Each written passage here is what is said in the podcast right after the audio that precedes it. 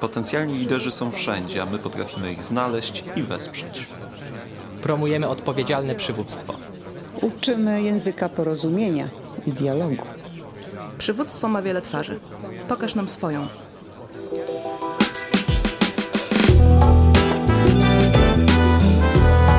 Nasz podcast to miejsce rozmów o liderstwie, wpływie i zmianach, ale także o edukacji. Jak mawiał założyciel Fundacji Szkoła Liderów, profesor Zbigniew Pełczyński, przywództwa można się nauczyć. O tym, jak to robimy, można przeczytać na stronie internetowej www.szkoła-liderów.pl. Dzień dobry. Adam August Michalik, witam w programie o przywództwie, podcast Szkoły Liderów. Tym odcinkiem chciałbym zaprosić Was do wysłuchania miniserii, w której porozmawiamy o przywództwie politycznym w Polsce. A przyjrzymy mu się przede wszystkim pod kątem ustrojowym. I tak, dziś na pierwszy ogień weźmiemy Urząd Prezydenta Rzeczypospolitej, który cieszy się ogromnym zainteresowaniem Polek i Polaków. To właśnie w wyborach prezydenckich odnotowujemy najwyższe frekwencje, a politycy piastujący to stanowisko cieszą się największym poparciem w rankingach zaufania społecznego. Prezydent pełni szczególną rolę w naszym systemie, ale jego pozycja ustrojowa nie jest proporcjonalna do wagi, jaką poświęca mu konstytucja czy opinia publiczna. Złośliwi bagatelizują rolę prezydenta, zwłaszcza gdy ten wywodzi się z wrogiego im obozu politycznego. Zaś sympatycy oraz nadspodziewanie często sami prezydenci mają tendencję do nadinterpretowania roli, jaka przypada temu stanowisku w polskim ustroju. Wiele sprzecznych ze sobą czynników sprawia, że trudno jednoznacznie scharakteryzować przywództwo prezydenckie w Polsce. Zatem postarajmy się poszukać odpowiedzi na pytania, kim jest prezydent RP? Strażnikiem Żyrandola czy uosobieniem majestatu Rzeczypospolitej? Co kształtuje przywództwo prezydenckie w Polsce? Czy mamy do czynienia z kryzysem tego przywództwa oraz jak z takim kryzysem sobie poradzić? O tym wszystkim będziemy dziś rozmawiać z profesorem Tomaszem Słomką z Wydziału Nauk Politycznych i Studiów Międzynarodowych Uniwersytetu Warszawskiego. Zapraszam. Panie profesorze, dziękuję za przyjęcie mojego zaproszenia. Z całą przyjemnością. Dzień dobry. Chciałbym, abyśmy zaczęli naszą rozmowę od przedstawienia pozycji ustrojowej prezydenta Rzeczypospolitej.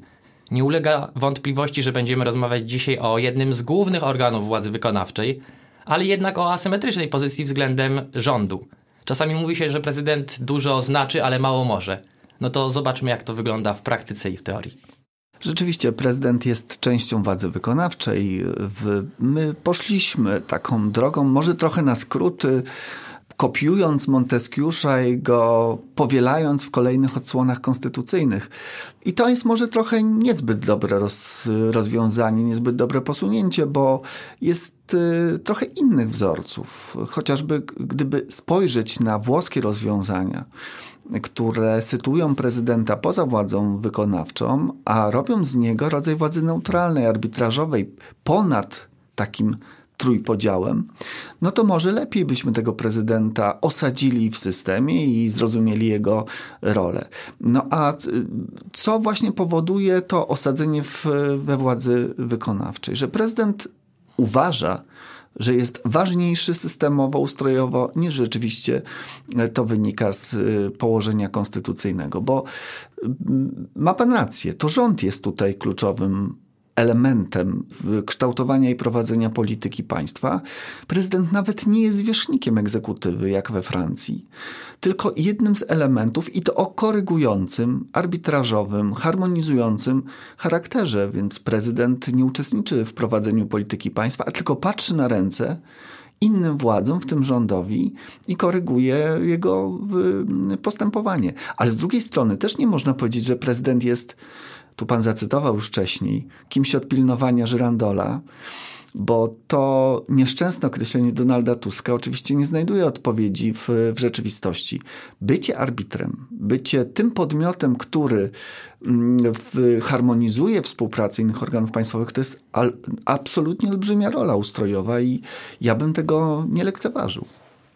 Ale mamy do czynienia z takimi bardzo wymiernymi y, metodami nacisku czy wpływania na rzeczywistość polityczną w Polsce. No jest inicjatywa ustawodawcza, jest też weto, chyba najmocniejsza z prerogatyw prezydenckich. Jak to wpływa na pozycję ustrojową prezydenta. No właśnie, o tym też między innymi myślałem, mówiąc o tym harmonizującym czy kontrolnym charakterze prezydentury. Wbrew pozorom, nasz prezydent może nawet trochę więcej niż wielu prezydentów z regionu, bo wspomina Pan o inicjatywie ustawodawczej. Rzadko kiedy głowa państwa ma inicjatywę ustawodawczą. Najczęściej to są parlamentarzyści i rządy. U nas jednak prezydent właściwie w każdym zakresie, no, poza nielicznymi wyjątkami typu ustawa budżetowa, może inicjować postępowanie. Nie robi tego nazbyt często i to też jest y, zgodne z pewną filozofią prezydentury, że on nie powinien, przepraszam za to określenie, rozmieniać się na drobno. On powinien inicjować naprawdę ważne postępowania, istotne z punktu widzenia jego funkcji. Natomiast nie oznacza to, że on w, nie może w każdej ważnej dla siebie sprawie odezwać się w formie właśnie takiego aktu urzędowego, jakim jest inicjatywa ustawodawcza. No i weto. Weto to rzeczywiście broń atomowa prezydenta, bo uzyskanie większości trzech piątych w Sejmie, żeby to weto obalić, to raczej rzadko się zdarza. A więc nie dziwmy się, że ponad 80% zawetowań prezydenckich jest skutecznych. Natomiast ja nie lekceważył też innych elementów y, w działania prezydenta. Kierowanie wniosków do Trybunału Konstytucyjnego. Oczywiście wolałbym mówić o tym w, w kategoriach, kiedy nie ma kryzysu wokół Trybunału Konstytucyjnego i ta rola może być odgrywana faktycznie przez Trybunał. Natomiast to jest bardzo ważny element kontrolowania praworządności. Mamy przecież różne akty nominacyjne i tu prezydent wcale nie musi być notariuszem. Wcale nie musi być tak, że jak minister obrony przyjedzie do niego z wnioskami generalskimi, to prezydent musi posłusznie i jak najszybciej podpisywać te wnioski, bo może się temu przeciwstawić.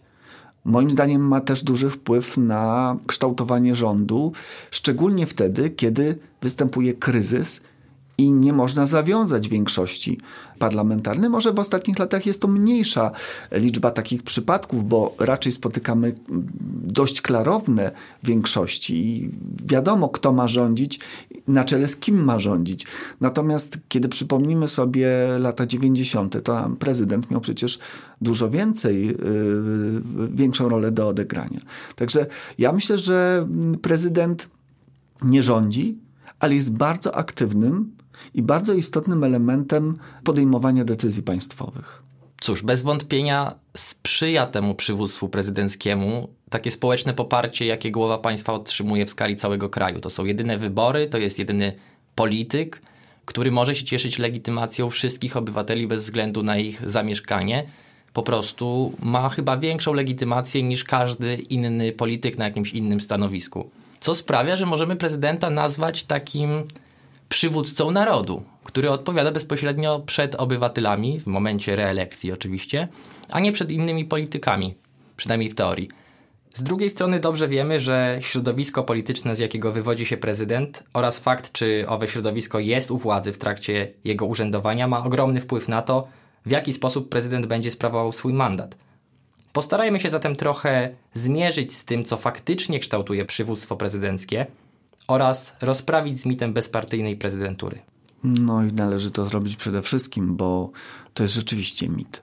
Ale zacznijmy od kilku innych elementów, które Pan słusznie wywołał. Po pierwsze, kwestia legitymizacyjnego charakteru wyborów prezydenckich i tego mandatu, olbrzymiego mandatu, który rzeczywiście głowa państwa otrzymuje.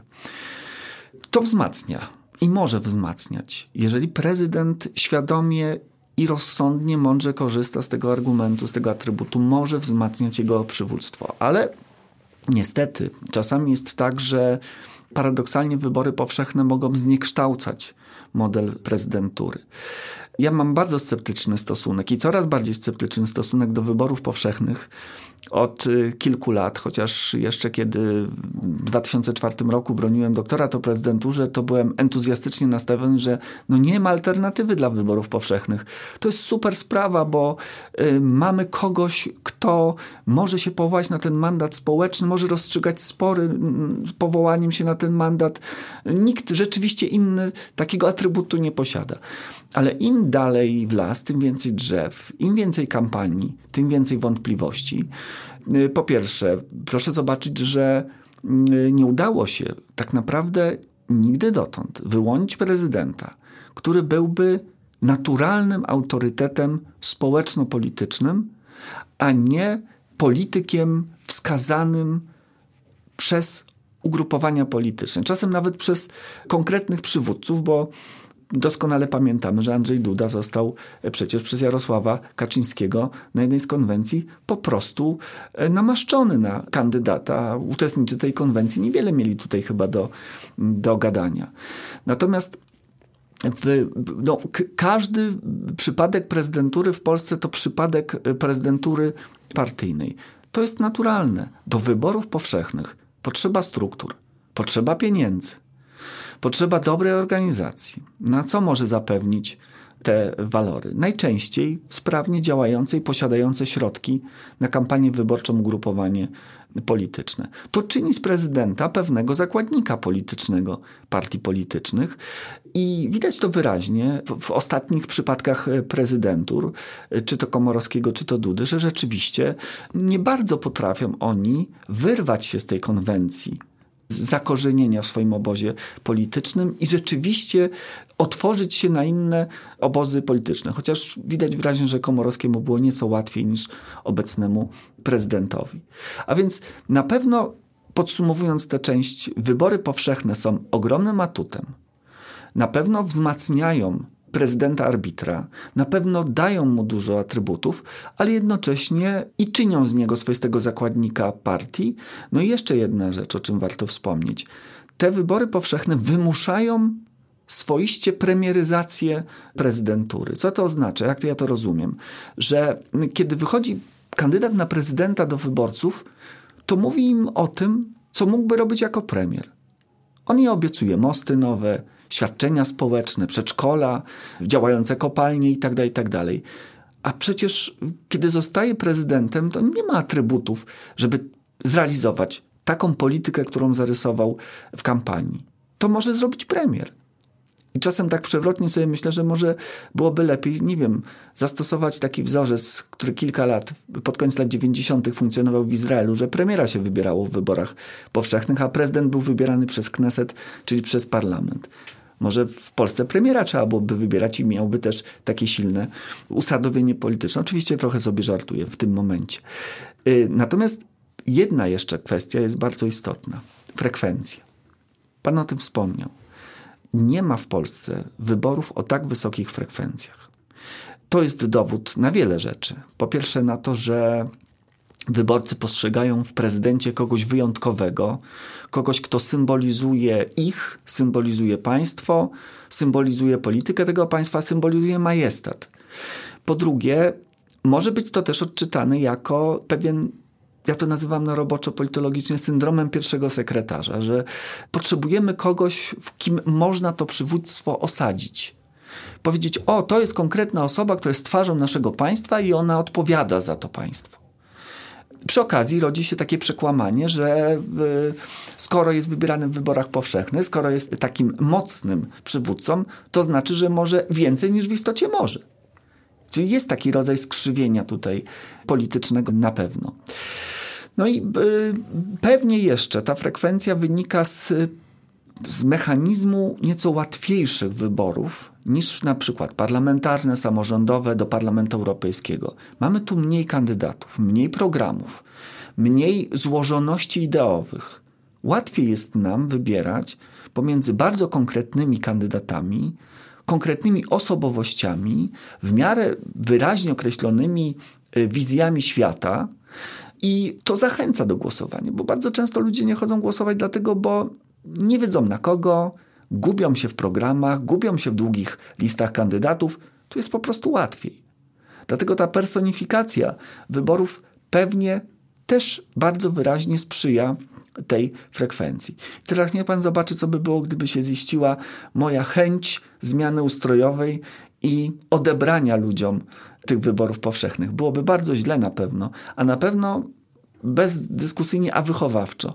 Bo można by powiedzieć wtedy, no dobrze, ja się staram jako wyborca, idę na wybory, głosuję, robię to chętnie, a tu proszę, odbierają mi możliwość wyboru prezydenta, to ja w takim razie nie będę chodził w ogóle, bo przestaje mnie to interesować. Więc widzę dylemat ustrojowy, ale widzę też dylemat społeczno-polityczny i myślę, że tutaj niewiele się może zmienić.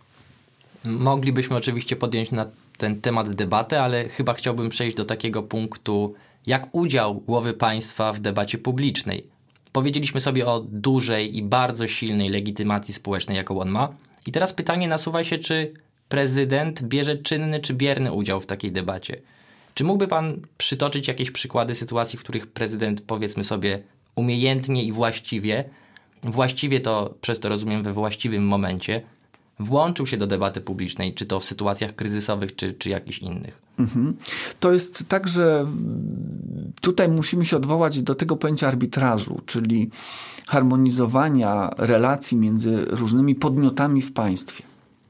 I to jest z jednej strony y, arbitraż o charakterze takim ustrojowym, czyli prezydent reaguje wtedy, kiedy następuje jakiś, jakaś potrzeba zareagowania, bo jest kryzys ustrojowy, bo y, na przykład jego zdaniem y, tworzy się złe prawo i on musi rozstrzygnąć spór między tymi zwolennikami, przeciwnikami y, prawa, więc na przykład weto prezydenckie jest takim instrumentarium tego arbitrażu, ale też jest bardzo ważny drugi element tego arbitrażu. Ja go nazywam arbitrażem społeczno-politycznym, czyli tu prezydent uaktywnia się w sytuacji jakichś potrzeb, kryzysów, oczekiwań społecznych. On nie musi się w tym momencie opierać na bardzo konkretnych uprawnieniach konstytucyjnych. Bardziej działa tu siła jego autorytetu i poparcia, które ma. Pan przy okazji wcześniej wskazał na bardzo istotną rzecz, że zazwyczaj prezydenci, kiedy się robi badania zaufania do tego urzędu i do, oso- do osób, które go sprawują, mają bardzo wysokie notowania, wysokie wyniki, zazwyczaj zwyciężają w tych badaniach. A więc to wzmacnia oczywiście też rolę prezydenta. I tu powiem przewrotnie. Wszystko zależy od tego, co prezydent chce osiągnąć i czy chce to osiągnąć, jaką ma osobowość i czy ma wolę polityczną. Bo mamy takie sytuacje prezydentów, jak na przykład Aleksandra Kwaśniewskiego, który wielokrotnie uaktywniał się w różnych sytuacjach, bo na przykład w, kiedy były dylematy narastającego kryzysu w górnictwie, spotykał się z reprezentantami przedstawicieli związków zawodowych, pracodawców. Kiedy był dylemat związany z chociażby reformą administracyjną państwa w 1998 roku, no to spotykał się kilkakrotnie z samorządowcami, dyskutował, jakie opcje mogą być najlepsze i jakie y, rozwiązania nowego podziału administracyjnego i rozwoju samorządu sprawdzą się właściwie. Natomiast no, są też takie przypadki, jak na przykład Andrzeja Dudy, kiedy jest znacznie mniejsza liczba takich otwartych spotkań. Statystycznie można powiedzieć, że prezydent prawie nie spotyka się z przedstawicielami opozycji. Robi to i rzadko, i zazwyczaj już naprawdę w takich mm, sytuacjach, w, które są niezbędne, chociażby w ramach Rady Bezpieczeństwa Narodowego. Czyli ten dialog nie bardzo się tutaj rozwija. Myślę, że wiele kryzysów zachodzących między władzą a opozycją, między większością parlamentarną a opozycją, byłoby do rozstrzygnięcia, gdyby prezydent zechciał aktywnie w tym uczestniczyć. A więc w, kilka czynników tutaj występuje: osobowość, umiejętności przywódcze, ale też kontekst polityczny, uwikłanie, uzależnienie od swojego obozu politycznego. Przy czym wydaje mi się, że tutaj też można pewną taką prawidłowość odnotować w postaci takiej, że w drugiej kadencji, czyli ostatniej możliwej, prezydenci zazwyczaj są odważniejsi, bo już wiedzą, że i tak kandydować nie będą, nie będą potrzebowali zaplecza partyjnego, nie będą potrzebowali pieniędzy, no chyba, że wciąż mają jeszcze wizję, na przykład będąc młodymi politykami, że coś po tym prezydenturze można politycznego zrobić i wciąż ten obóz polityczny będzie do tego potrzebny. To, czy prezydent bierze aktywny udział w debacie publicznej, oczywiście zależy od niego i czy rozmawia z opozycją, ale to, do czego jest poniekąd zmuszony, to do reprezentowania swojego kraju na zewnątrz. I chciałbym teraz pana zapytać o to, jaki wpływ na jego przywództwo, przynajmniej na taki wizerunkowy jego aspekt, ma to reprezentowanie kraju na arenie międzynarodowej.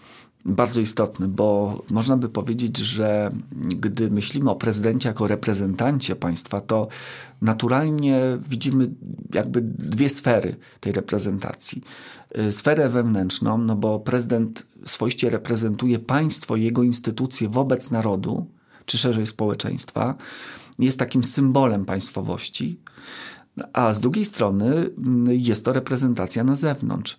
I tu z jednej strony prezydent wykonuje szereg kompetencji o charakterze formalnym, no, na przykład y, powołuje ambasadorów, przyjmuje ambasadorów obcych państw, mm, którzy przybywają do Polski, podpisuje umowy międzynarodowe, mm, no, szczególnie jego rola rośnie oczywiście w przypadku tych umów, które są istotne i ważne dla funkcjonowania państwa mm, bezpiecznego, państwa dostatniego. Myślę o takich umowach jak traktat akcesyjny czy traktat waszyngtoński. Natomiast ma też prezydent taką rolę do odegrania w tych stosunkach międzynarodowych jako autorytet państwa. Działania prezydenta mogą powodować, że rola państwa będzie rosła. I to jest y, niezwykle istotne dla społeczeństwa, które no, buduje takie przeświadczenie, że prezydent jest y, naprawdę tym majestatem Rzeczypospolitej y, i buduje zaufanie do państwa w stosunkach międzynarodowych, potrafi uczestniczyć w rozwiązywaniu konfliktów, potrafi budować pewne koalicje, które nadają Polsce pewną rangę i znaczenie. Myślę, że tutaj chociażby widać w badaniach opinii publicznej, że społeczeństwo docenia rolę Andrzeja Dudy w sytuacji konfliktu na Ukrainie, że to, że prezydent bardzo twardo opowiada się po stronie Ukrainy i że można powiedzieć, no, patronuje tym działaniom. No jest też jej rzecznikiem na arenie międzynarodowej. Tak, że, że robi to bardzo często i przy wszystkich możliwych okazjach, to zyskuje bardzo przychylną opinię Polaków. Także to naprawdę, szczególnie w sytuacjach kryzysowych, odgrywa niezwykle, niezwykle ważną rolę.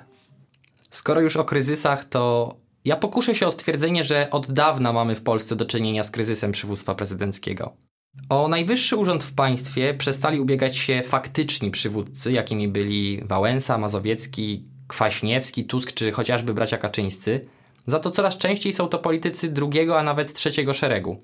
Moim zdaniem ostatnie dekady pokazały, że na jakość prezydentury największy cień kładzie kwestia pozycji politycznej, jaką dany polityk posiadał przed objęciem urzędu, czyli roli, jaką odgrywał wewnątrz własnego zaplecza, według własnej frakcji, formacji. Zatem kluczowe staje się pytanie, czy osoba, która wygrała wybory prezydenckie, była przywódcą, liderem, czy może szerzej nieznanym politykiem. Co pan o tym uważa? Czy rzeczywiście mamy do czynienia z kryzysem przywództwa prezydenckiego w Polsce? Nie wiem, czy bym nazwał to kryzysem, czy nazwałbym uświadomieniem sobie pewnych ról, które występują w systemie politycznym. Mam takie wrażenie, że od pewnego czasu i to rzeczywiście koreluje z tym, co Pan mówi o przesunięciu się tego e, drugiego rzędu polityków do przodu, tego rzędu aspirującego do prezydentury.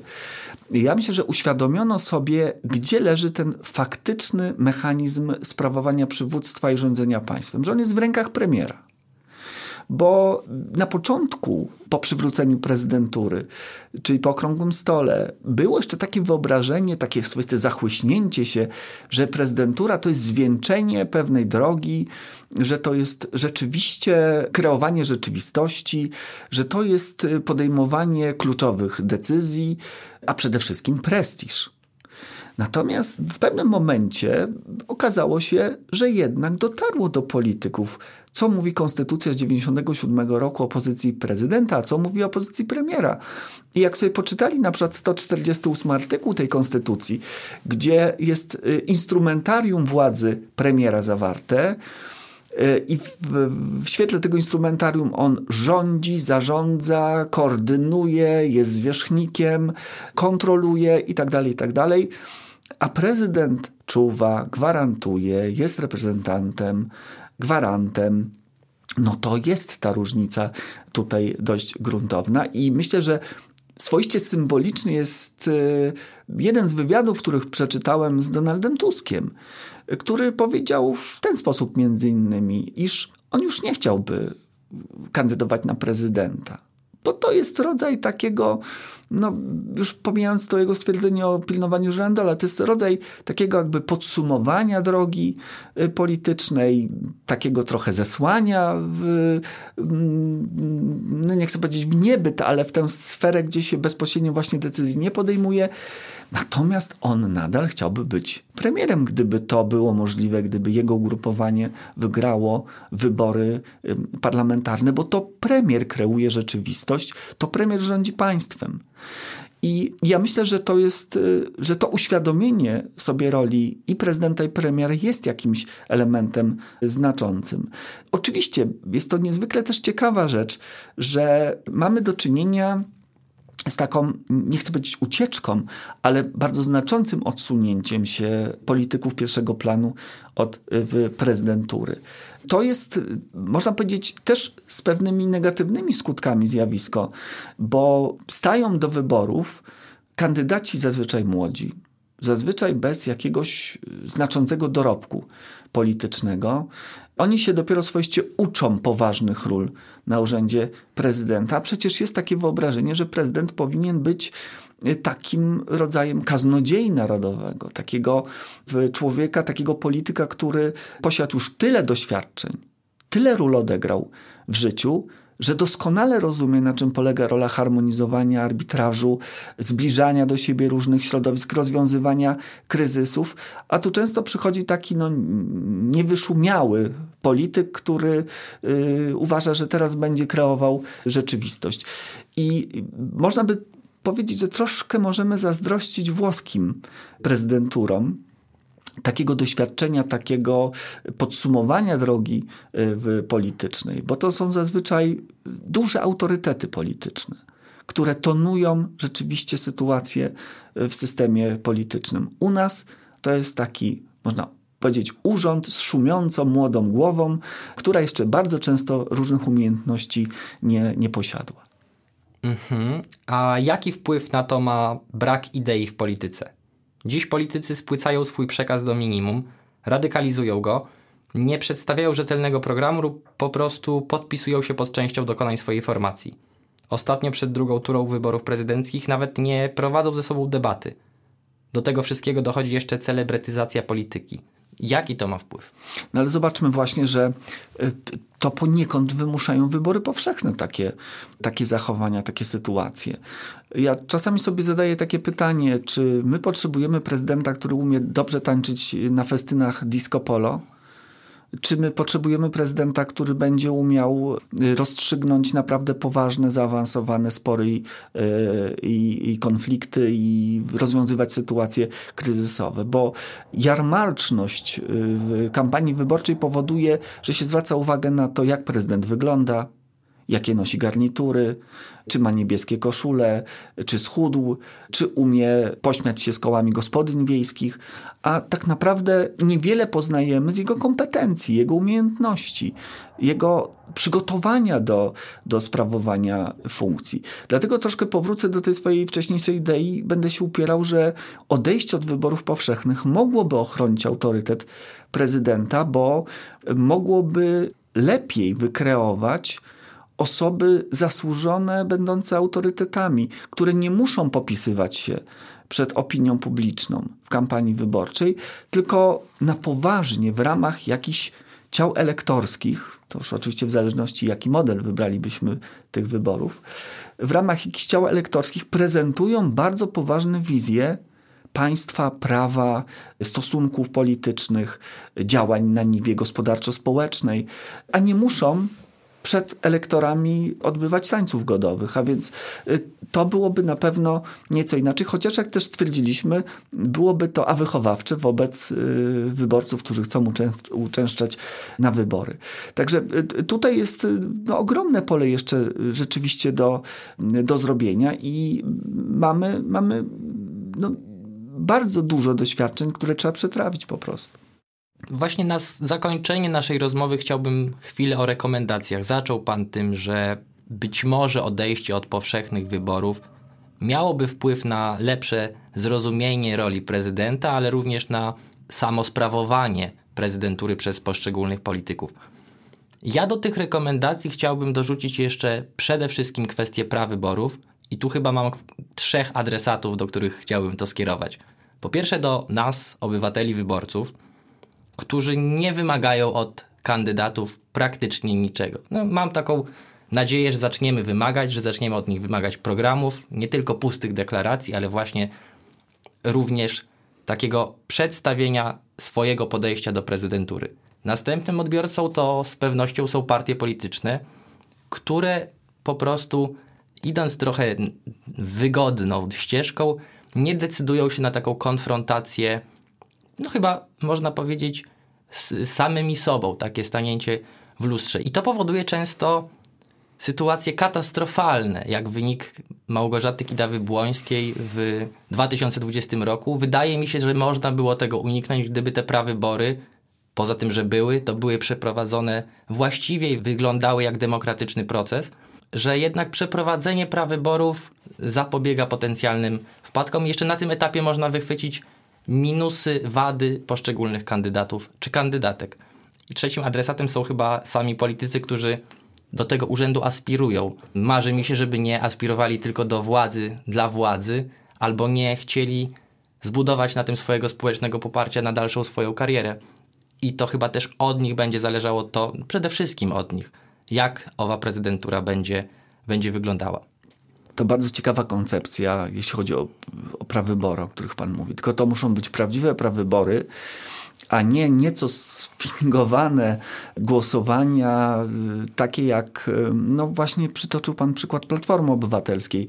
Oczywiście trzeba docenić, że jakaś formuła wyłaniania kandydatów dyskusji wewnętrznej się pojawia. Doceniam, ale wymagam więcej. No właśnie, a to jest dużo za mało oczywiście i tu się zgadzamy, bo prawdziwe prawybory to jest ruch oddolny.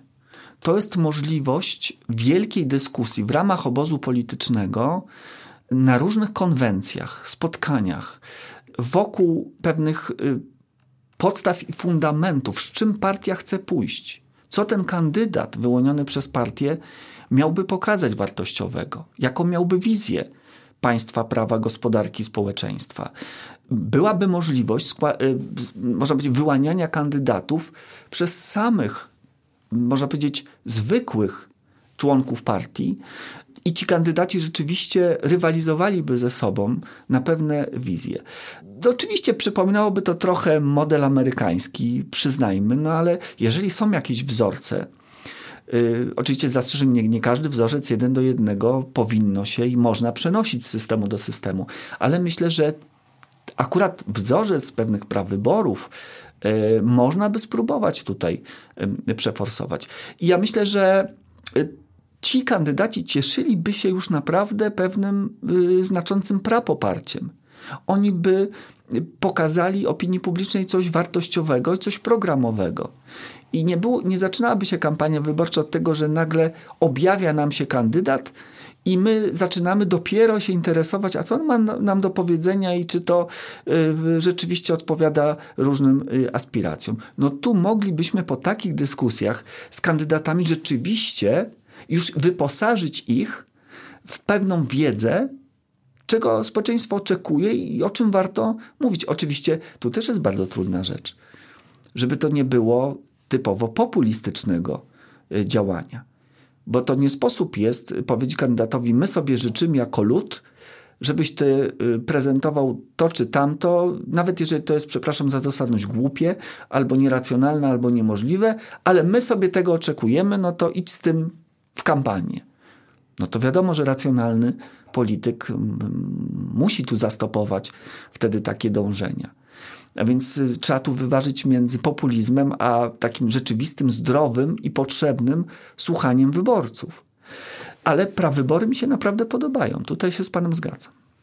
Na zakończenie od siebie mogę powiedzieć jedno słowo: wymagajmy. Wymagajmy od siebie samych, od partii politycznych, od kandydatów. Tak jest.